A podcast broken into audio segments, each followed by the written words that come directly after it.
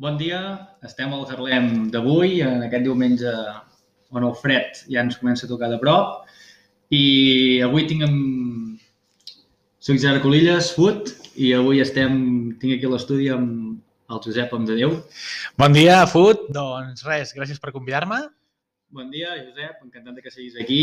Uh, avui, doncs, el tema moments de Covid-19, temes i, i èpoques complicades per tothom.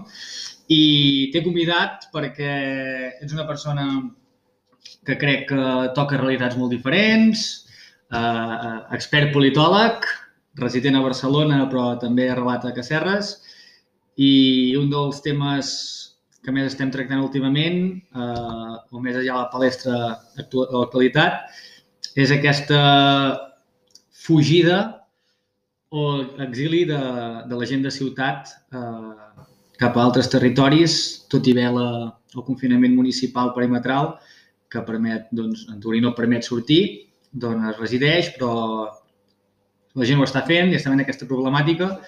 L'altre dia, fins i tot, els números parlaven que hi ha hagut més sortides aquesta setmana que el pont de l'any passat, tot i el confinament perimetral, per tant, crec que hi ha bastant, bastant a dir sobre això.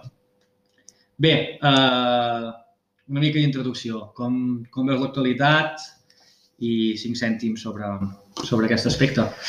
Gràcies, Fut. Doncs a veure, jo crec que s'haurien de comentar algunes coses que crec que són molt interessants, que ja apuntaves eh, molt acertadament, i és el fet que eh, els barcelonins, el que tècnicament ens anomeneu com a pixapins, doncs ara hem vist que és un moment complexa i que està a les ciutats pràcticament podríem considerar que significa, eh, ostres, doncs menys llibertats i que, per tant, ara veiem al poble, veiem les segones residències, veiem el que mal anomenem molts cops com a món rural, com un espai de llibertat, eh, un recurs que ens ajuda a sortir d'aquestes situacions tan complicades i, per tant, tots sabem que aquest, que és el país de la picaresca, encara que sapiguem que tenim toc de queda i, i que els caps de setmana no ens podem moure del nostre municipi, uh -huh. sabem que igualment, massivament, és una cosa que fem perquè, o sigui, hi ha uh, aquesta necessitat imperiosa de fugir de la ciutat perquè sabem que, ostres, doncs que estem en una situació terriblement complicada. Això d'una banda.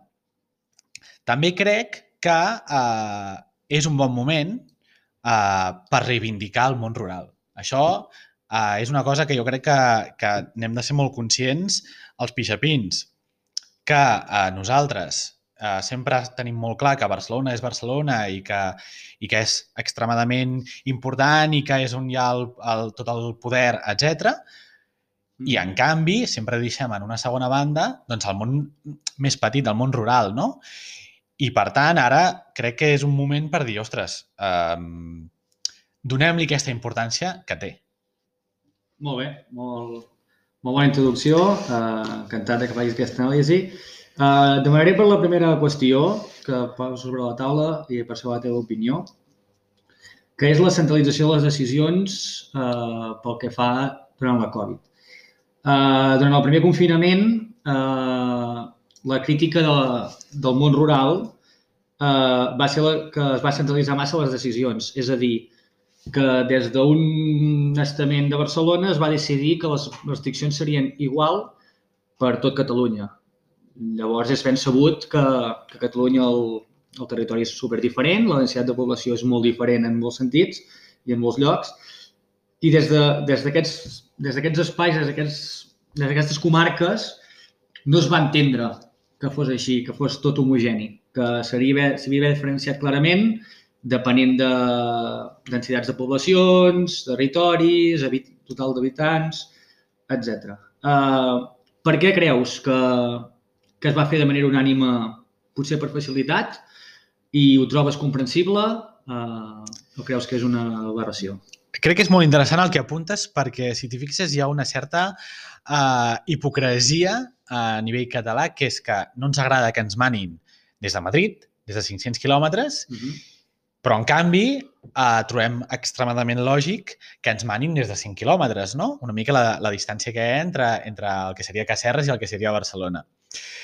I jo crec que se n'hauria de fer la crítica i uh, fins i tot crec que uh, a nivell català s'hauria d'intentar teixir uh, un, un, un món local molt més descentralitzat, que és una mica el que, el que tu apuntaves, que molts cops, quan es prenen decisions uh, des d'un sol punt, no es tenen en compte doncs, les diferents variables que s'hi tenen en compte. No? És a dir, pensem en els Pallars, és a dir, viuen poques persones i segurament, en molts casos, per anar al cap de referència han de fer molts quilòmetres. Per tant, no té sentit que bloquegis persones a nivell municipal, perquè mm -hmm. si no estàs, estàs paralitzant, un, el país. I dos, eh, jo crec que també hi ha una certa ceguesa en el fet de prendre totes les decisions des de Barcelona, perquè els tècnics potser sabran molt de l'àrea metropolitana, mm. però quan marxen de l'àrea metropolitana molts cops no entenen les dinàmiques que s'esdevenen a la resta del país. I això també és una cosa que els barcelonins i, i la, en general els catalans hauríem de tenir present i intentar criticar, de dir, ostres, um, si tenim... És a dir, ara faré la... Ara parafrasejaré Star Wars, fer, però es deia uh, un gran poder comporta una gran responsabilitat. Uh -huh. Per tant, si uh, tot el poder, malauradament, es concentra a Barcelona, uh -huh. n'hem de ser responsables i corresponsables amb la resta del país. Molt bé. Molt interessant. Deies de una mica d'hipocresia en aquest sentit. Eh, vull parlar de una mica de reivindicació en, època, en aquesta època. És a dir, eh, sempre hi ha hagut molt la visió de la gent de, de Barcelona i, i Rodalies de que el poble és allò, és allò llunyà, és aquella gent tan diferent que, que fins i tot potser no en representa, però sembla que ara eh, amb el tema de la Covid-19 s'ha trobat un lloc interessant, no? De fet, eh, s'ha parlat de que molta gent de ciutat eh, està veient amb bons ulls sortir a buscar una vida nova a aquests territoris i aquestes comarques més profundes, no? Eh, és a dir, en una època difícil, eh, una cosa que la tenia semi-oblidada, eh, m'obre els ulls i es, es transforma en una cosa interessant. Eh, més qualitat de vida, per exemple, potser una vivenda amb un preu més assequible i millor, el tema de la naturalesa, eh, tranquil·litat per un i per la seva família. Eh, creus que aquesta visió que ha sortit ara de la gent de Barcelona de voler sortir eh, és volàtil en el sentit que quan passi la, la Covid-19 això se'ns oblidarà o ho veus futurible, que la gent emigri de ciutat cap a poble amb el pas dels anys? Uh, T'he de dir que tant de bo sapigués la resposta perquè és molt interessant. És a dir, crec que si no sabem resoldre aquesta qüestió que tu fas, tenim un problema com a país. Això d'una banda. M'agradaria pensar que estructuralment mm-hmm. sí que hi ha, hi ha o hi ha d'haver un canvi en aquesta línia. Jo crec que sí que s'hauria d'anar en aquest sentit intentar eh, desconcentrar-ho absolutament tot a Barcelona uh -huh. i, per tant, indirectament una mica el que plantejaves és eh, si, si el món rural pot oferir eh, una alternativa prou potent al, al que seria l'àrea metropolitana, prou engrescador com perquè la gent d'alguna manera torni. Que aquí és una mica el gran problema, és que jo veig que constantment parlem de fuga de serveis referint-nos a gent que marxa de Catalunya o d'Espanya a altres països, però en canvi a Catalunya també li passa això, és a dir, que cada any marxa massivament gent del, del món rural, de les rodalies, cap a la gran metròpoli. I això també significa una fuga de serveis. Llavors, eh, jo crec que s'han de plantejar dues coses. Una, que és el que apuntàvem fa un moment, tu has d'aconseguir que eh, el poder es desconcentri. És a dir, que reparteixi més. Jo crec una mica que és el que es va intentar fa alguns anys amb la creació de les vegueries. Crees una espècie d'entitats eh, supramunicipals molt potents que no siguin la, les províncies que, ning, que no tenen sentit. És a dir, recordem que Barcelona i Berga estan a la mateixa província, no té cap mena de sentit per mi. I eh, alhora eh, treus també el que serien una mica les, les comarques. És a dir, que són, són entitats tan petites, encara que siguin supramunicipals, que costa que donguin serveis. Donen serveis, aquí ho veiem, però, eh, per exemple, a l'àrea metropolitana, les comarques pràcticament no tenen servei. Llavors, eh, jo crec que, un, seria això, d'alguna manera desconcentrar el poder, però fer-ho bé, és a dir, que tingui sentit eh, en termes territorials o de zones o d'àrees, i alhora també crear molts serveis. És a dir, sí que és una cosa que jo sé eh, de bon grat i del cert que la Generalitat ja s'està posant les piles en aquest sentit.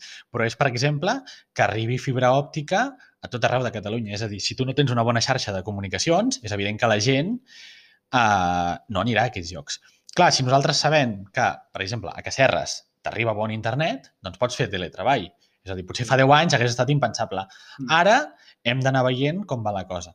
Però sí que és veritat que si, si tu eh, aconsegueixes vertebrar bons, bons serveis, serveis públics i serveis privats, a tota, a tota Catalunya, Mm. doncs sí que és veritat que la gent dirà, ostres, per què he de viure jo en zones extremadament cares quan puc viure a la resta del país en zones doncs, molt més pacífiques, molt més tranquil·les, amb molta més esperança de vida i qualitat de vida, perquè recordem que només a Barcelona cada any moren centenars de persones només fruit de la, de la contaminació, perdó, i això és una cosa que, que s'hauria de reivindicar. Si ho aconseguirem o no, no t'ho sé dir, però jo espero que com a mínim en el mig termini eh, anem en aquesta línia.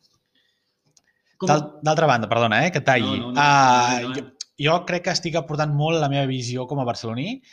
Com, com ho veus tu? És a dir, consideres que, que anem en aquesta línia? Creus que estàs veient, és a dir, que els pixapins eh, estem venint aquí per quedar-nos? O creus que encara ha d'haver-hi algun canvi perquè diguem, ostres, podem fer-hi vida també aquí?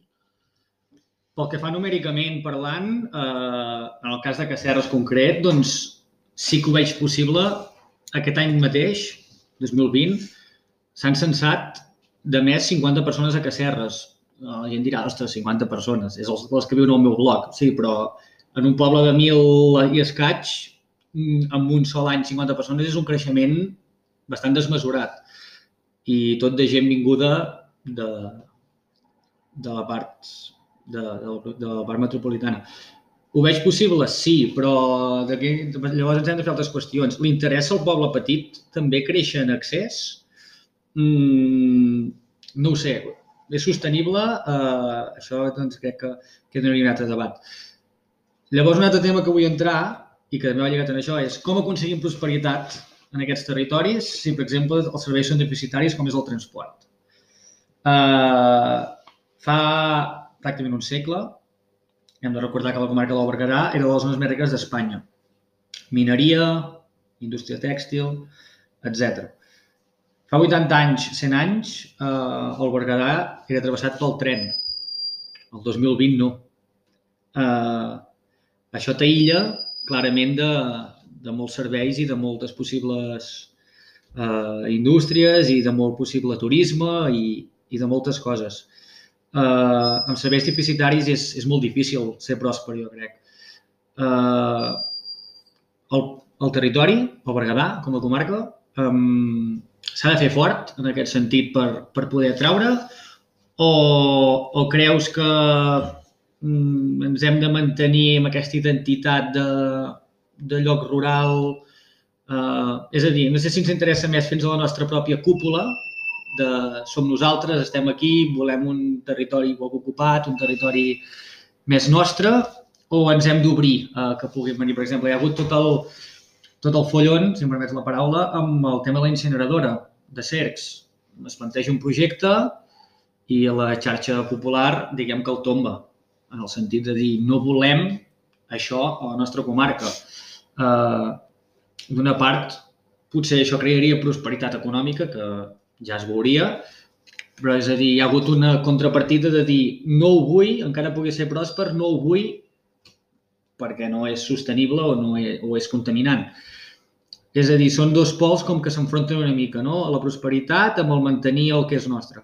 Uh, com podria les comarques o aquests territoris ser pròspers econòmicament, però també una mica defugint de d'aquesta, diguem, modernitat o voler ser el màxim de sostenibles possible.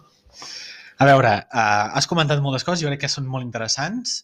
Uh, tots tenim molt clar que, que el punt que sigui de Catalunya ha de tenir bons serveis. Això Això ho tenim tots clar. El que passa és que una cosa que molts cops també ens equivoquem, fruit de, mm, crec jo, determinades dinàmiques, eh, és que eh, creiem que els serveis no es paguen. Llavors, tu, per tenir uns serveis de qualitat, has de tenir una economia molt potent. No entrarem al tema de la independència, que si vols un dia n'entrem, Sí, però eh, no toca. És a dir, és evident que la Generalitat està extremadament infrafinançada i això, mm, Mhm. o sigui, hem de tenir en compte que la Generalitat pràcticament està en bancarrota i, per tant, li costa molt pagar determinats serveis i, per tant, molts cops que quan plantegem incrementar els serveis públics, doncs és algo pràcticament inviable. Això d'una banda. D'altra banda, jo crec que eh, sé que hi ha hagut molta crítica sobre, per exemple, és que has posat un exemple perfecte, no? El de la incineradora. I jo, per exemple, hagués estat a favor de la incineradora. Potser s'hagués hagut de replantejar d'alguna manera, però el que no poden ser, no, el que no pot ser és que els bergadans es pensin que eh, totes les deixalles que produeixen desapareixen. És a dir, eh, aquestes deixalles s'han de tractar, s'han de reduir i també tota l'energia que consumeixen els bergadans i bergadanes és alta, d'on apareixen. No. Hi ha empreses, eh, hi ha energia hidroelèctrica, Mhm. però no veiem eh, gaires plaques solars a nivell territorial ni, ni el que serien doncs, doncs altres sistemes, doncs, per exemple, l'ener- l'energia eòlica. Això no ho veiem.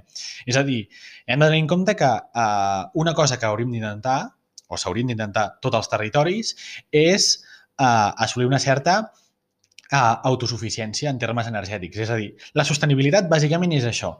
És que tu cada cop necessites menys eh, energia o recursos d'altres territoris i, per tant, amb el que tu tens o amb el que tu generes és el que tu, doncs, doncs després eh, gastes Una roda, o utilitzes. Una roda, una roda circular. Bàsicament, no? Després és això. Una cosa que ara s'està posant molt de moda és el tema aquest de la- de l'economia circular, no? Però vindria a ser a gran escala i en molts més sentits. també. Exacte. Llavors, Mhm. si, si una proposta eh, que et ve per, pel Berguedà de eh, jo agafo els teus recursos o les teves deixalles que ja no fas servir i els transformo en energia, se'n diu que no, significa que el Berguedà està permanentment condemnat a viure i a dependre d'altres entorns. I això és una cosa que jo crec que els bergadans heu d'intentar capgirar. És a dir, no, potser aquest exemple era dolent perquè um, hi havia molt de rebuig i a nivell polític i potser fins i tot econòmic doncs no s'entenia. Però sí que s'ha d'intentar dir, ostres, hem de generar nosaltres mateixos recursos per tirar endavant, perquè l'economia funcioni. Això d'una banda. I també, quan parles de sostenibilitat i de creixement, jo crec que una cosa que, que sí que hauríem d'intentar fer és, um, i que segurament serà molt més difícil, fins i tot en termes... Uh, imagina't que jo ara canvio i et proposo o et plantejo que Porreig i Cacerres s'unifiquessin en un sol municipi. Jo crec que els plats...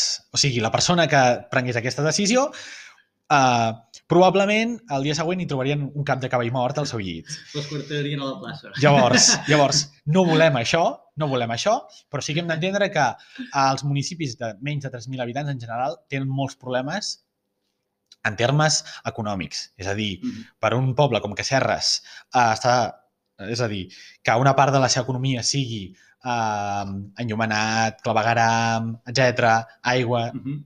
és una cosa molt costosa. És a dir, aquí hauríem d'intentar buscar economies d'escala, que és una cosa que ja està intentant fer segons tinc entès, el Consell Comarcal. És a dir, els serveis de residus doncs s'unifiquen. Per què? Perquè així són més econòmics. Porta porta. Llavors, eh, jo crec que s'hauria d'anar molt més en aquesta línia i inten- intentar, per tant, economitzar qualsevol dinàmica o qualsevol recurs que hi hagi. És a dir, que els serveis doncs, siguin més eficients. Perquè si no són més eficients, és a dir, si, si tu saps que... Eh, Imaginem-nos que de sobte eh, la Generalitat diu d'acord, doncs fins a Berga posaré un tren, però no es fa servir. Mhm. Clar, això és extremadament car, perquè Sí, clar. eh, pe- pensem que, que al Raval, per exemple, al barri del Raval, Sí. hi viuen 10.000 persones més que tota la comarca del Berguedà. Mhm. I és un territori eh, extremadament petit. Per tant, eh, com ho has de fer? Jo crec que sí, crec que sí, ha d'haver-hi una, una desconcentració no només del poder, sinó a nivell poblacional.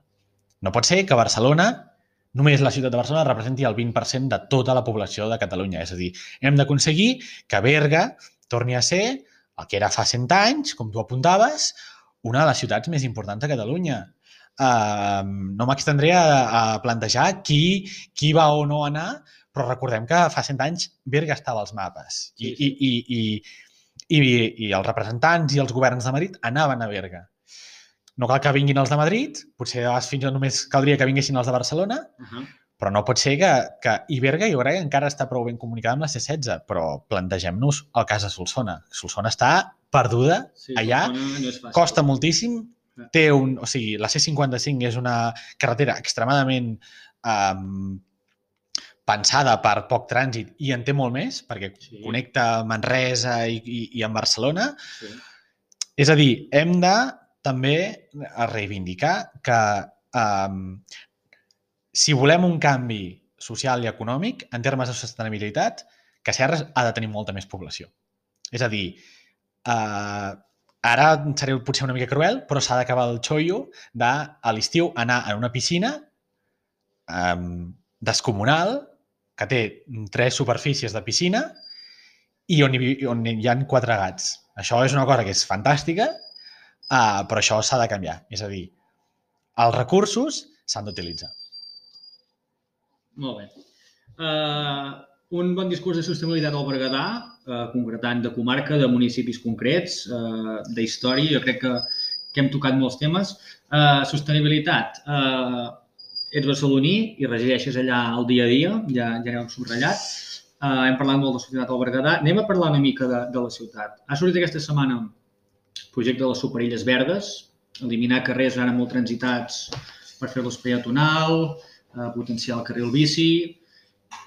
Tenim vigent des de fa un temps les zones de baixes emissions. Eh, però alhora, a l'aeroport del Prat i el port de Barcelona tenen un moviment de, de passatgers i de moviment espectacular. Llavors, aquestes, aquests projectes com el de les vies, grans vies verdes o les zones d'emissions, si segueixes tenint aquests trànsits en dos espais com el Port de Barcelona i l'aeroport de Barcelona que contaminen o que contaminen, eh, no et sembla una mica superfluats, una mica hipòcrites? És a dir, vale, eh, reduïm una mica els cotxes i intentem anar amb bici, però alhora m'estan arribant una quantitat de vols a l'aeroport i una quantitat de creuers en plens de turistes al port que superen pràcticament tots els del Mediterrani. Uh, són mesures populistes o, o creus que, que és la direcció que s'ha d'agafar i que agafaran la majoria de ciutats? Crec que, crec que apuntes a diversos temes, jo crec que molt interessants. A, a veure, primer de tot, primer de tot, uh, jo crec que uh, una cosa que, que hem de tenir clar és que um, hem d'aconseguir que um, la gran majoria de- d'espais de, que avui dia es fan servir els cotxes, al final els acabin fent servir les persones. És a dir, les ciutats han de ser per les persones. Això ho hem de tenir tots clar. Estic d'acord. Però alhora tu tampoc t'has de carregar l'economia. Llavors jo crec que, um, i ara no farem una crítica oberta de Colau, No, no, no. no, no però uh, sí que és veritat que crec jo que s'hauria de replantejar. El tema de les superilles és una proposta que, que tenen o que havien tingut en el seu moment molts altres partits polítics i que, per tant, fa anys que està sobre la taula, però que eh, ara mateix s'ha vist que genera molts problemes en termes de contaminació, eh, col·lapse, col·lapse en termes de cotxes, etc. D'acord? Posem, per exemple, el tema del tramvia per la Diagonal. Només la, només la construcció de les vies genera molt de caos eh, i molts problemes per l'economia local. Llavors, jo crec que una cosa que s'hauria de fer és, un, plantejar bé en termes urbanístics eh, qualsevol d'aquests moviments i de l'altre sí que és veritat que s'hauria d'intentar apuntar eh, que a- aquestes eh, macroinfraestructures, com serien els ports o els aeroports, contaminin menys a mesura en termes legislatius, d'acord? Però jo crec que, i tornant una mica al principi, Mhm. la gran clau seria desconcentrar Barcelona. És a dir, que altres zones que no siguin l'àrea metropolitana de Barcelona i Barcelona ciutat inclòs, Mhm. tinguin serveis prou potents com eh, perquè es desconcentri aquesta demanda brutal i massiva que té Barcelona. Això seria, crec jo, una mica la meva opinió. I crec que és on hem d'anar en els pròxims anys. Sí, de fet, eh, quan es parla de gran ciutat, que ho vaig llegir a un lloc, um, quan, parlem, quan es parla de Madrid com a gran ciutat, o París, o, o aquestes grans urbes europees, generalment es parla del que és el, el municipi en si, més els 50 o 100 quilòmetres que la rodegen.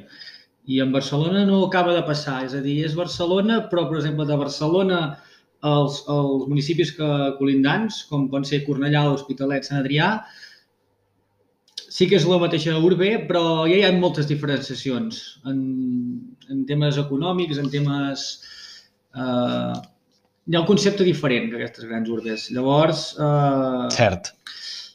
Potser sí que s'hauria d'intentar obrir, però, per exemple, quina opció seria? Que els creuers anessin a Tarragona, per dir un exemple, o que l'aeroport de Girona es potenciés més, per, per posar uns exemples del que dius? No sé si fins a quin punt això és viable, això que planteges, és una opció que segurament s'haurà contemplat. Jo crec que estaria més aviat en termes legislatius de quin tipus de um, petroli o de dièsel es fa servir pels de carburant, bàsicament, es fa servir pels avions i pels, i pels vaixells.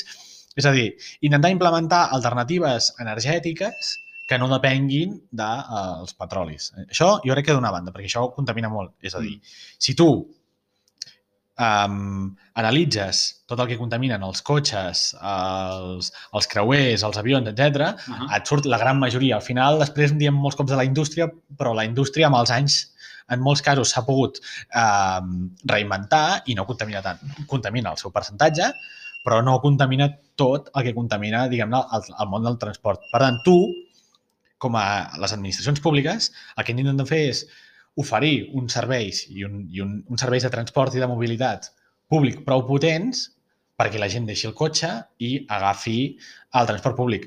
Clar, tu només generant vies verdes, que és el cas de la superilla, mm no ofereixes una alternativa. I dius, jo ara eh, et dono més problemes a l'hora d'agafar el cotxe, però no t'ofereix una alternativa. Clar, si no hi ha alternatives, per mi no té sentit.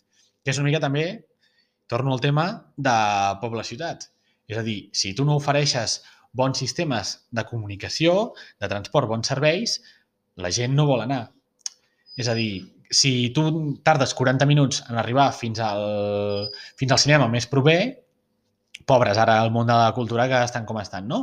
Però si tardes 40 minuts, que entenc jo que és el de Manresa, sí. eh, tens un problema. És a dir, si abans, per exemple, hi havia un, un o dos cinemes a Berga, o fins i tot em sona que a Porreig n'hi havia hagut algun, ostres, doncs, com a administració pública, eh, encara que hagis de posar alguna subvenció, eh, aguanta. És a dir, has d'aconseguir eh, que aquests serveis es mantinguin i llavors que facin efecte crida a noves persones. Si tu cada any vas tancant serveis, sí. la gent et marxa i, i et ve a la, a la ciutat i la ciutat està prou col·lapsada i llavors és una dinàmica, mm, és el peix que es mossega la cua, no pots trencar aquesta dinàmica. Sí, sí, està clar que cal buscar alternatives a la ciutat i a més un espai tan gran com és Barcelona que és el que comentes. Sí que la bici, per exemple, la bicicleta és una alternativa, però és a dir, el bici tots sabem com va. A primera hora les bicis estan repartides i a les 12 del migdia totes estan a la platja i, la, i de mitja diagonal amunt doncs on hi ha cap, no? Correcte. Llavors, eh, sí, eh, les alternatives ja s'ha d'oferir l'alternativa perquè anar amb bici doncs, està bé, però és evident que depèn de quin tram o depèn d'on vulguis anar, doncs, tampoc és el més còmode o el més accessible possible. Bé, doncs seguint amb un altre tema de vital importància i, i molt arrelat a Barcelona i que crec que, que s'havia de tocar, eh, és el tema de l'habitatge. Eh, un tema del dia a dia important que, que és un poti-poti que si li anem a posar noms i cognoms, doncs, mira, eh, desnonaments, eh, un cada hora, si no m'equivoco, de mitjana, preus inflats a quotes altes, eh, poc sol per construir, pisos i blocs fons voltors, eh, el sector públic amb les arques buides, com comentaves fa una estona, per construir habitatge públic i fins i tot casos aïllats com, o no aïllats, com el de la Casa Buenos Aires, la Casa Ocupa, que es volia fer un hotel de luxe, que el veïnat va sortir en contra. És a dir, és un... hi ha de donar i per vendre en aquest aspecte. Uh, això m'interessa. És a dir, d'una banda, uh, tenim que si l'habitatge és totalment públic, eh, privat, perdó, uh, els pre el preu de mercat si, té, això té uns costos a l'empresa privada, per tant, els preus s'apugen, els preus s'inflen i això fa que no sigui massa accessible per molta gent. D'altra banda, si volem construir eh, el sector públic és qui vol construir la vivenda, el sector públic no, no pot cobrir tota la demanda perquè doncs, els, els fons de les arques públiques no són les millors i amb la Covid-19 doncs, encara s'ha accentuat més cap a pitjor.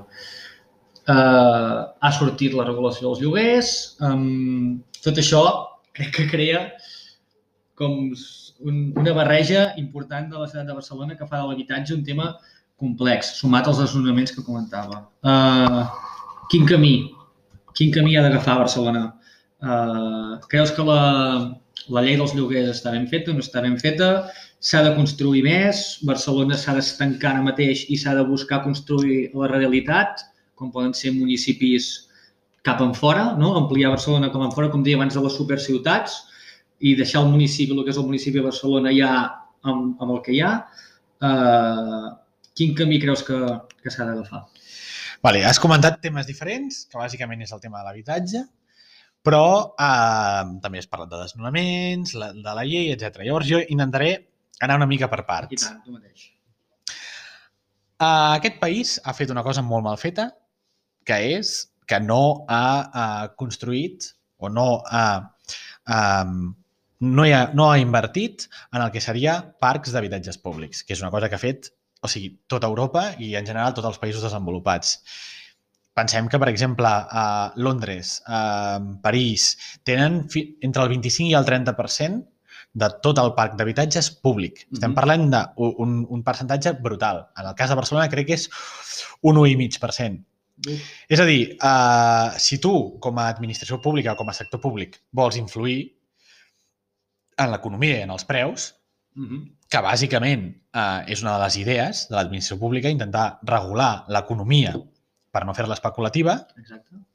i per no generar desigualtats, tu hi has d'invertir. No s'hi ha invertit. I una cosa que més es va fer en el seu moment, i crec jo eh, molt mal fet, és que es va eh, invertir en parcs d'habitatges públics, però després es van vendre. Clar, és a dir, tu, com a administració pública, sempre has de mantenir aquest patrimoni en tu mateix.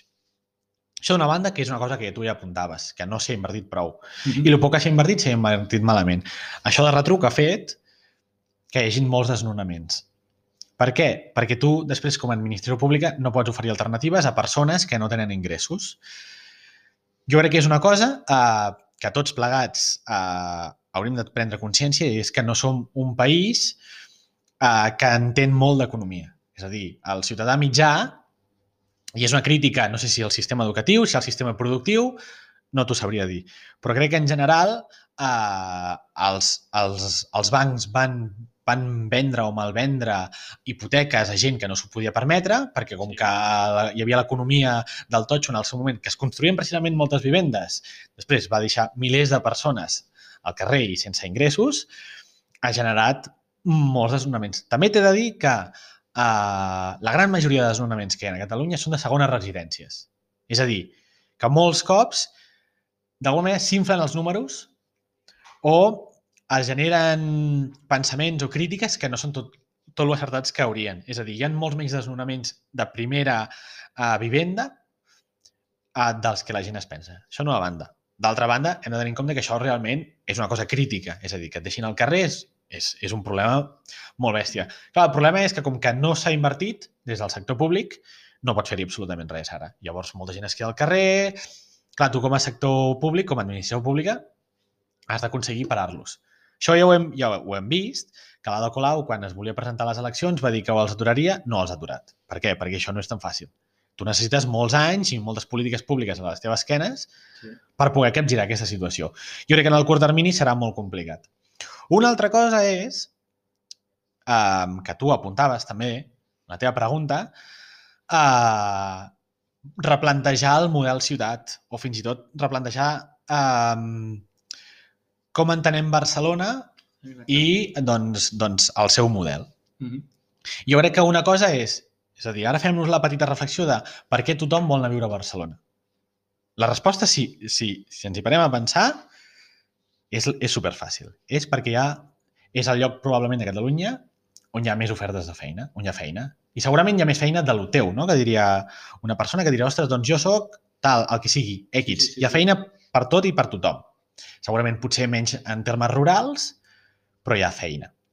Llavors, tu el que has d'aconseguir és, uh, i que és una mica el que ja apuntàvem al principi, si tu vols generar models sostenibles, el que has de fer és que les altres ciutats, els altres pobles, també uh, ofereixin feina. És a dir, també hi pugui haver feina per tothom. És a dir, que la indústria també creix una mica Sí. cap a altres... I, I segurament avui ja fins i tot més, més ens encararíem amb el sector serveis. Jo ara et pregunto, no? per exemple, tu que serres, uh, com veuries que un psicòleg muntés una clínica? Com veuries que generés una empresa informàtica? Em sembla que n'hi ha, eh? Per exemple, Sí, sí. uh, vull dir, estem anant en aquesta bona línia, però segurament molta de la gent que ha passat per l'escola a l'Escarís Mhm. uh, ara està a Barcelona perquè el que sigui que, que treballi ara a Barcelona ho pot fer, però aquí és molt més complicat o no tindria, per exemple, la demanda que tindria. No? Sí, sí. Prosperitat, com parlàvem abans. Exacte. Sí. Llavors, si, si tu, i és el que deies, uh, com a administració pública has d'invertir en, en parcs d'habi- d'habitatge públic, però tampoc hi tens espai perquè a Barcelona no hi ha espai, has de replantejar-te uh, a on inverteixes. És a dir, ara potser fins i tot tocaria a la Generalitat dir, ostres, doncs invertim massivament en parcs d'habitatges públics, però recordem que la Generalitat està eh, en bancarrota, um, en, altres, en altres municipis que, que estiguin a prop o que estiguin més o menys ben connectats i invertir-hi massivament. Jo crec, per exemple, que uh, segurament ara construir parcs d'habitatges públics a municipis com, per exemple, Berga, Vic, Manresa, Solsona, seria molt interessant. Perquè no és que hi hagi molta demanda, però sí que pots cobrir demandes fer que, que aquestes, o sigui, aquests, aquests habitatges siguin més barats i, per tant, a generar un efecte crida en més persones. Però, clar, si tu aquests municipis no fas que tinguin, és a dir, que puguin oferir llocs de feina remunerats i de qualitat, obligues a la gent a que vagi a Barcelona encara que sàpiga que ha de pagar 1.200 euros per, pel lloguer d'un pis, eh, segurament en relatives males condicions, quan aquí potser a Cacerres per un lloguer pagues 300 o 400 euros. Una problemàtica de territori, en tota regla, no? Correcte, correcte, correcte. Molt bé. Um, hem parlat de, de present, segurament, i de passat. També hem parlat una mica d'història, en depèn de quin tema. Uh, vull mirar ara primer una mica les tornes de tot, una mica el futur que ens ve a sobre i, i que potser marcarà molt a llarg plaç. Uh, sí que les, les portades doncs, portem temps que les equipara tot el que refereix al coronavirus i segurament ha passat molt de puntetes que, que en dos mesos i escaig eh, tenim eleccions al Parlament de Catalunya. Correcte. És a dir, es forma, es forma un nou govern, eh, 14 de febrer. L'altre dia pensava, mm, en, en termes personals, i, i fins i tot parlant amb típica conversa amb, amb amics o companys, el mateix pensament que tenia jo, algú me l'ha comentat. I és que, mm, a part de, de l'encobriment aquest d'informació que potser no, no està arribant, potser el, la política catalana eh, està una mica desmoralitzada o una mica falta d'incentius perquè falten líders. Vale? Jo t'exposo una mica la idea perquè és un pensament que he tingut i que ha tingut altra gent. Fa un, venim d'una dècada, o, o fins i tot més, on la, la, els lideratges a, a Catalunya, pel que fa als, als formacions catalanistes, sobiranistes, eren molt marcats. És a dir, venim de, de Convergència amb una figura com Artur Mas, que era cap dalt. Eh, O Jordi Pujol. Sí, si anem més enllà, eh, està clar. Eh, Esquerra Republicana amb Junqueras, doncs que ara és empresonat, però ha sigut un líder durant uns anys Sí. molt, molt icònic. I fins i tot abans, eh, el cas de Carot Rovira, per exemple, Per exemple. eh, era un líder I- carismàtic. Correcte, i llavors tenim la CUP que sí que té el seu sistema, diguem, de, que en principi mancat de lideratges, però que, per exemple, hi havia la figura de David Fernández que, o d'Anna Gabriel, Que eren potents. que eren molt més potents per sobre la resta o, o si més no donava, donava tal sensació, no? Mm, jo crec que ens, tota la motivació que treus això, ens juguem bastant. Uh, el 6, les, les enquestes del 6, parlen de una entrada possible de pràcticament una desena de, de diputats de Vox per primer cop, de l'extrema dreta, una cosa que no ha passat mai al Parlament de Catalunya. És a dir, mm, no podem relaxar-nos, jo crec, al catalanisme, perquè doncs, aquestes enquestes ens demostren que, que cuidado, no? Que, que ens venen per la dreta, mai més ben dit. Llavors, estàs d'acord que l'independentisme català ara mateix està mancant de lideratges i que això crea una mica de desmotivació i incertesa a l'independentisme que ha estat fort els últims anys i, i com ho veus? Com, què en penses de les eleccions? Com una mica d'anàlisi per sobre. D'acord. Ah, Em, em preguntes dues coses, temes de lideratges i el que seria una mica les eleccions. Jo crec que en termes de, de lideratges, eh, jo crec que no estem malament. Una cosa que ens ha passat és que eh, depèn molt del partit, no? d'alguna manera. En uns casos veiem que hi ha figures com Puigdemont que, que es mantenen i en canvi en altres casos veiem com figures eh, com seria el cas d'Oriol Junqueras, doncs d'alguna manera eh, davallen. Això és una cosa que jo crec que té a veure amb el fet que estiguin o no a la presó. És a dir, eh, no hi vull entrar excessivament en detalls, però crec que una cosa que, que sí que s'hauria de, de plantejar és fins a quin punt els partits polítics han canviat eh, els seus discursos en funció de si tenen presos a la presó, polítics a la presó o no. Això jo crec que és important. A veure, molta explicació, eh, d'això? Sí, raonaments.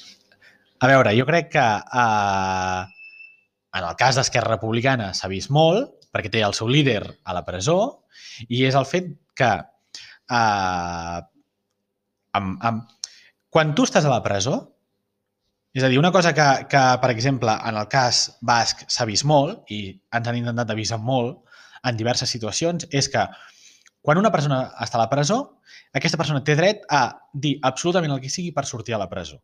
Això d'una banda, és a dir, qualsevol polític que tinguem nosaltres ara mateix a la presó ha d'intentar dir la missa que sigui per sortir de la presó. Ara- Perdó.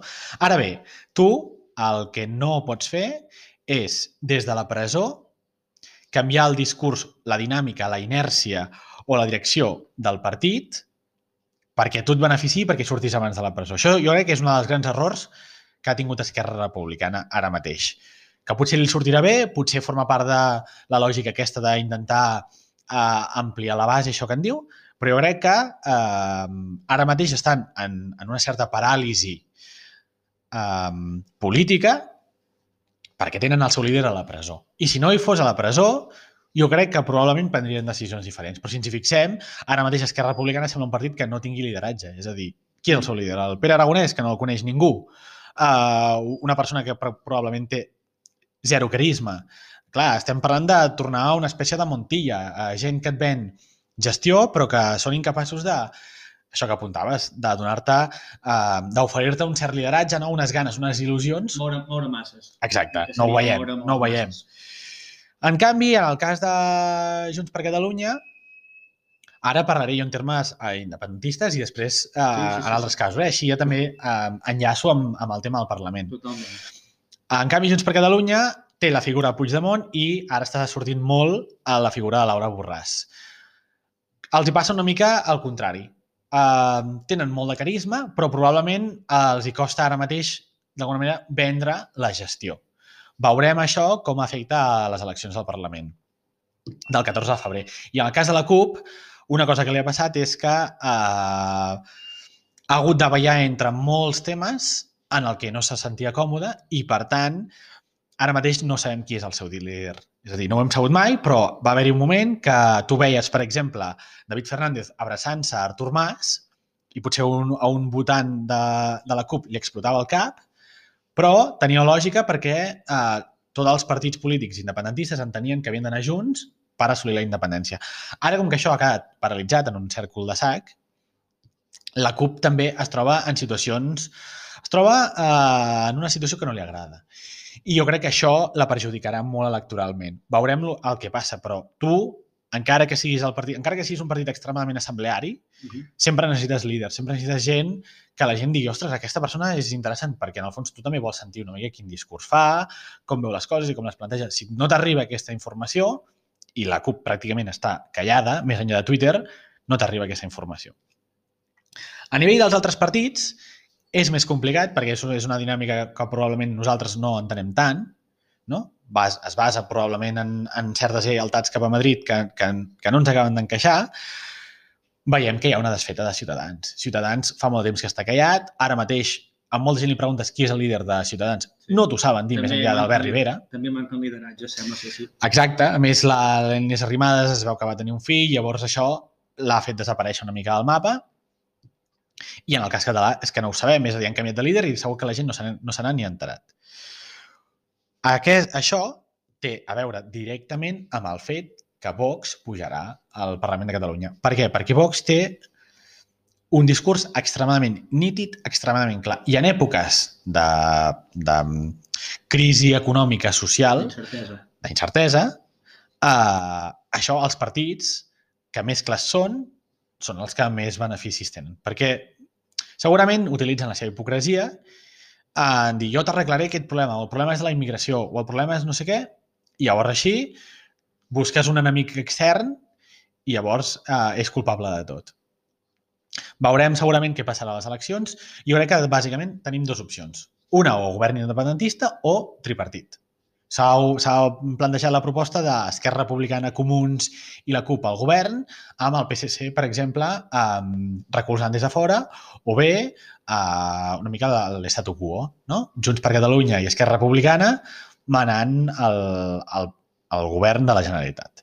Jo crec que tenim aquestes opcions. En funció de, dels guanyadors, hi haurà una o l'altra. Jo crec que no canviaran tant els escons. És a dir, cada setmana aniran sortint uh, pols diferents, enquestes Sí. diferents, Mhm. que ens aniran apuntant, que ara pugen, ara baixen, el que sigui. Forma part del joc. Exacte. Jo crec que fins i tot sí. En molts casos fins i tot l'intent aquest de uh, modificar una mica el, el vot. Jo crec que és una cosa que hauríem de canviar. Però bé, que al final crec que no canviaran tant els números i segurament, bàsicament crec jo, que tindrem una situació molt semblant a la, que, a la d'ara o l'alternativa que és això, alguna espècie de tripartit algun, o fins i tot quadripartit, ja et dic, Esquerra Republicana, PSC, Comuns i la CUP a dintre o fora o el PSC a dintre o fora. Això ja es veurà en funció de, del vot. Això, mm, així com a primera passada. Uh, comentes que, que potser el que li faltaria doncs, al moviment català amb el, amb el teu anàlisi és un discurs clar de les formacions independentistes, no? Llavors la meva pregunta és, venint dels anys que portem presos, manifestacions, uh, orquinaones, etc, quin hauria de ser el discurs clar independentista? A veure, uh, m'agradaria tenir una resposta. Aquí, aquí no és el, jo crec que no és el tema de quin, és, quin ha de ser el discurs independentista, o sí, sinó um, si els partits polítics independentistes estan disposats a seure i a pactar alguna espècie de línia dinàmica, um, punts finals als que vulguin assolir. Estratègia. temes uh, purament només de Catalunya. Eh? Estem Sí, sí, parlant. sí, sí. Alguna... Estratègies eh, en termes independentistes, no? Mm. És a dir, com volen assolir el final. Jo crec que ara mateix no és factible, bàsicament perquè Junts per Catalunya i Esquerra Republicana tenen unes estratègies pràcticament oposades. Esquerra Republicana, bàsicament, ha abandonat la uni- unilateralitat i, en canvi, Junts per Catalunya entén que ara mateix l'únic camí és la unilateralitat. El que passa és que, i és un dels grans problemes que tenim, que, un, eh, els dos partits indirectament també volen aconseguir l'electorat de l'altre partit, per tant, en comptes de cooperar, competeixen. Guerra tumba oberta, no? Que. Exacte. I el cas de Twitter, per exemple, és, és flagrant, és a dir, cada dia es tiren els plats pel cap. fins i tot tenim consellers que, que es neguen els uns als altres, que hi ha incoherències. Jo crec que sí que és possible que en aquestes eleccions hi hagi algun canvi, uh, però ara mateix tota la situació està molt enquistada. No, no podem buscar uh, línies estratègiques comunes en els partits independentistes perquè ara mateix tenen uh, prioritats diferents. I si hi ha prioritats diferents, no hi ha manera que s'entenguin. Sí que uh, això podria canviar en el curt termini. Uh, no ho crec, potser en el mig termini sí, però uh, ho veurem segurament potser a partir del 15 de febrer. Vist doncs, la situació sembla que, que un discurs clar eh, i entenedor per part de tots no, no s'augura fàcil. Parlant de l'Esquerra Republicana que n'has parlat, eh, un de, una de les coses que ha causat més resó últimament és l'aprovació de, dels pressupostos a, al Congrés dels Diputats espanyols. Eh, la pregunta és clara, no m'enrotllaré. Eh, què busca? Què busca una formació independentista, en teoria independentista més que republicana, després de tots els efectes, causes i efectes que ha hagut a Catalunya, què busques eh, pactant amb, o estant a favor o posant les coses fàcils, diguem-ho així, a Madrid? Jo crec que s'han equivocat, perquè si tu com a formació independentista això, reforces o recolzes a Madrid en, en termes internacionals no estàs dient que la teva prioritat és la independència o fins i tot la idea aquesta de Espanya ens roba o Madrid ens maltracta desapareix si tu reforces eh, el govern de Madrid. Això per mi és de calaix. Però sí que és veritat, també s'ha de dir, que en una època eh, molt complicada en la que hi ha el coronavirus, eh, Esquerra Republicana ha jugat a la carta de dir jo, encara que sigui independentista, um, crec que és una època prou complicada com per recolzar Madrid i per, i per tant perquè ens rebi, rebem diners uh, i això ja, uh, aquesta estratègia diguem, diguem-ne que els partits també tenen les seves prioritats públiques i les seves prioritats privades, és a dir, tots els partits pacten uh, sota mà uh, prebendes, drets i deures que posteriorment han de tenir uns amb els altres perquè els puguin beneficiar. Clar, és possible que Esquerra Republicana, sota mà, hagi pactat amb Madrid que si, si li aprova els pressupostos, és possible que els presos polítics surtin abans de la presó. També vam veure l'altre dia que eh, van aprovar els pressupostos i el dia següent a determinats presos mm se'ls van treure el... se'ls hi va denegar el tercer grau, per tant, que poguessin dormir fora de la presó uh -huh. eh, i han de tornar a la presó. Exacte. Llavors, clar, jo no sé si ha estat una, diguem, jugada mestra que nosaltres no sabem, però d'entrada a mi em sembla que és una baixada de pantalons per part d'Esquerra Republicana molt bèstia i no hi estem veient uh, grans beneficis, perquè no, van dir que... De portes en fora sembla una baixada pantalons de totes regles. Molt bèstia. Dius, a veure si la jugada mestra es veu, es veu aclarida o no, però de primeres és el que comentes totalment. Jo et dic que, que no la sé veure, perquè a més, una de les coses que havien dit és que donarien 100 milions a l'AVE i a Rodalies i, ah, aquell, sí. i aquella mateixa tarda llegim la notícia que en realitat eren 40. És a dir, que, estem, que, ens, que hem d'entendre que Madrid sempre ens vendrà fum i sempre ens vendrà motos. I que quan arriba aquí els diners uh, fot com sis anys que s'hauria d'haver acabat l'estació de la Sagrera. Hi ha, hi ha infraestructures, és a dir, hi ha infraestructures, no paren de construir noves infraestructures, hi ha aves, um, submarins que no acaben de flotar, i, és a dir, hi ha un dispendi increïble i després nosaltres uh, tenim problemes per, per pagar coses extremadament elementals perquè la Generalitat no té diners. És a dir, hem d'entendre que la gent diu, clar, és que eh, hi ha hagut una davallada, hi ha hagut unes retallades en, en sanitat, però clar, és que si la Generalitat no té un duro, això és de, això de, és de Madrid. Segurament no tota la culpa és de Madrid, però sí que hem d'entendre de, que una, un tema clau és Madrid. Per tant, que si tu vas a pactar amb Madrid, com a mínim que tornis amb allò que antigament en època pujoliana se'n deia el peix al cova, que tu puguis dir, ei, jo he anat a Madrid, m'he baixat una mica els pantalons, i porto... Uh, he ensenyat els calçotets foradats, però com a mínim torno a, torno a casa amb coses pels catalans. Si nosaltres no ho veiem, creiem que s'han equivocat. Molt bé. Uh, anem arribant a la part final i parlant d'Espanya, de, aquesta Espanya que un dia, doncs, potser no n'haurem de parlar més, qui sap, però de moment sembla que toca. Un altre tema d'actualitat, rei emèrit, més rum de la monarquia d'Espanya. L'altre dia llegia la periodista gallega Rebeca Quintans, que, que és expert en, en monarquia, crec que era, el mitjà era el sentit crític, si no m'equivoco, deia que, que Leonor no arribaria a ser reina, és a dir, la següent en teoria en la línia de tro, no, ja no arribaria a ser reina Espanya. Alhora, deia que un referèndum a Espanya de monarquia sí, monarquia no, guanyaria el no de manera molt ajustada, però clarament guanyaria el no ajustat perquè el no a Catalunya és massiu. És a dir, que si Catalunya fos independent, per exemple, o que és accent de la votació, guanyaria el sí de forma clara. O sigui, que el que, el que decanta la balança a favor del no ara mateix seria el no massiu de Catalunya. Si no, el sí guanyaria. Um, cal parlar de la monarquia com a catalans. És un tema que hem d'opiar. Uh, en una Catalunya independent és una figura que ens hauríem de plantejar on ens passa pel cap i en el cas de que Catalunya marxi o no marxi, eh, com creus que, que pot, que pot derrocar-se aquesta figura o com pot caure això? Jo crec que és un tema molt més interessant del que ens pensem. La monarquia, molts cops estem, estem parlant dels, dels elefants que matava el rei emèrit, de, de, de si té diners a, a Andorra o a Suïssa o no, però jo crec que eh, realment és quin valor té la monarquia. Al final tu has d'analitzar fredament.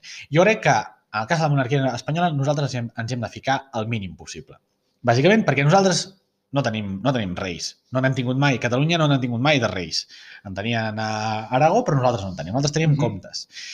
Llavors, una cosa que ens hem de plantejar és que els països més desenvolupats del món, tots, o sigui, els 10 països més desenvolupats del món, tots són monarquies. És a dir, Austràlia és una monarquia, Canadà és una monarquia. El cas dels Estats Units i Rússia no, però eh, tots els països nòrdics són monarquies. És a dir, la monarquia no ha de per què significar eh, una figura medieval d'un país subdesenvolupat que no funciona. El tema és eh, com d'interessant és la monarquia pel país.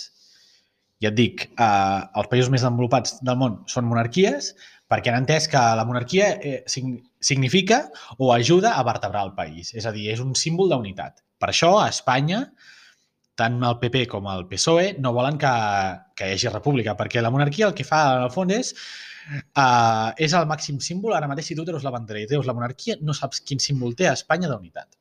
I això és una cosa que, que hem de tenir tots clar. És a dir, si cau la monarquia, al cap de dues setmanes, Catalunya és un país independent.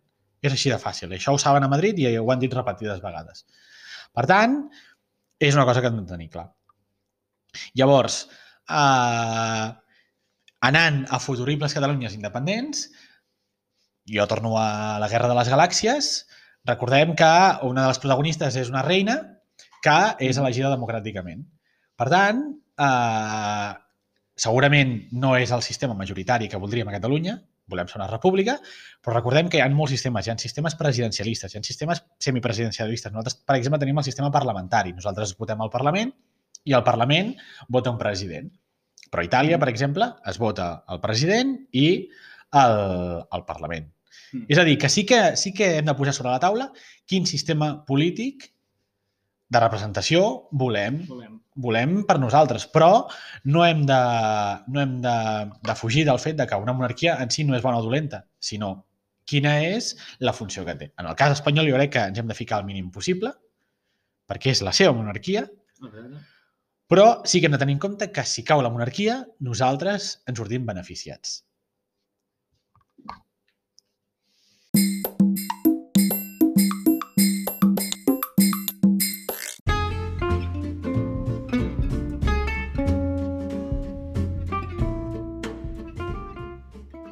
Acabar, doncs, després d'aquesta xerrada distesa on hem tocat molts temes i esperem que, que surti el primer Garlem interessant i que que puguem escoltar amb orgull i, i traguem les conclusions tothom, nosaltres i tothom que ens escolti.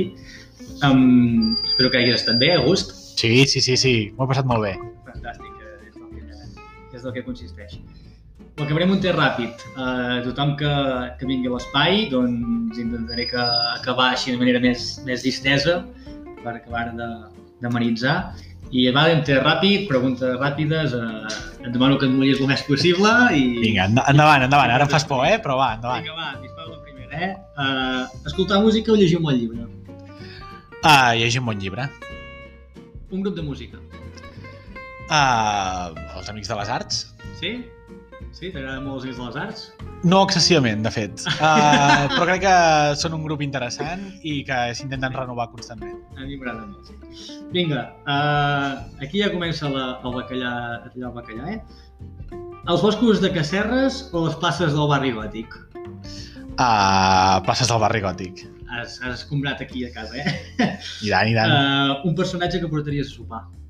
Un personatge uh, depèn de si, si, es, si el pogués, diguem-ne, teletransportar d'un altre lloc aquí o si està viu sí, o mort. Sí, sí, sí, sí, sí. Uh, probablement alguna persona que, que ja no hi sigui, Winston Churchill, i si alguna persona que encara estigui viva, doncs el Dalai Lama. Molt bé, interessant. Uh, sexe abans d'anar a dormir o llevar-te? Abans d'anar a dormir, sempre. Vinga, i l'última, última, i aquí sí que et poso prova, eh? Les braves del Frankfurt o l'escalopa de Calcaleio? Uh, aquí em mates. Uh, doncs, evidentment, segurament acabaré dient les braves del Frankfurt, però és veritat que l'escalopa de Calcaleio és, és una cosa espectacular, que, per cert, ara fa temps que no en comprem a casa, ah, però que és espectacular. Vinga, va, tens, tens dret, gràcies per venir i, i merci. I tens dret a rèplica, si vols. D'acord, a veure, uh, seguint amb el tema de la música, uh, La Raíz o Los Chicos del Maíz? Les xicos del maïs. Tot i el meu gran respecte a la raïs, les xicos del maïs. D'acord. Uh, quin creus que és el pitjor grup de música en català? Uf. Mm. No diré el pitjor, però no sóc gens fan de Manel pel, pel, per lo famós que són i la gran masses que mouen. No en sóc especialment fan, però tampoc diré el pitjor perquè no, no són dolents ni molt menys. D'acord. Uh, a veure, uh, ja que, que estàs avui en mode radiofònic, et preguntaré, faries aquest programa en pilotes a la plaça Santa Maria de Casserres? No. Uh, I d'altra banda, um, creus que tindries, creus que sempre portaràs gent al programa amb prou confiança com perquè li puguis tirar els trastos a alguna persona que vingui a fer el programa? No. Uh, I per últim, uh, a qui t'agradaria que escoltés aquest programa? Uh, crec que, que es parlen de moltes coses diverses i de moltes coses interessants. Per tant, que crec que es podria ser molt apte per, per qualsevol persona. Crec que en podria treure les seves conclusions, els seus, les seves notícies. Crec que també hem parlat molt d'actualitat i ho hem fet des d'una visió diferent a el que són les portades, les notícies que puguis escoltar o veure a la tele generalistes total. Per tant, que crec que, que en, en, en definitiva hem fet informació també. Llavors crec que, que es pot escoltar qualsevol persona, però sí que amb el que hem tractat jo crec que la gent de Cacerres doncs, o Berguedà s'hi podia sentir identificat i gent de Barcelona doncs, també crec que has donat el teu punt de vista moltes coses que crec que són interessants, per tant crec que és molt apte per tothom, però gent de Cacerres, Berguedà i Barcelona més concretament. Però espero que l'escolti tothom i que tothom estigui molt, molt content. Perfecte. Doncs res, només t'he de dir que merci per convidar-me al programa. Ha estat un plaer, és el que et comentava meu, abans. plaer és meu, ja ho saps. I res, a veure quan, quan m'hi tornes a convidar i, sí, sí. i ens ho tornem a passar bomba. I gràcies. Ha sortit el sol, fa bon dia i gràcies al Charles que el tenim per aquí dalt per prestar-nos a l'estudi. Diu que sí. I res, doncs amb això acabem. thank you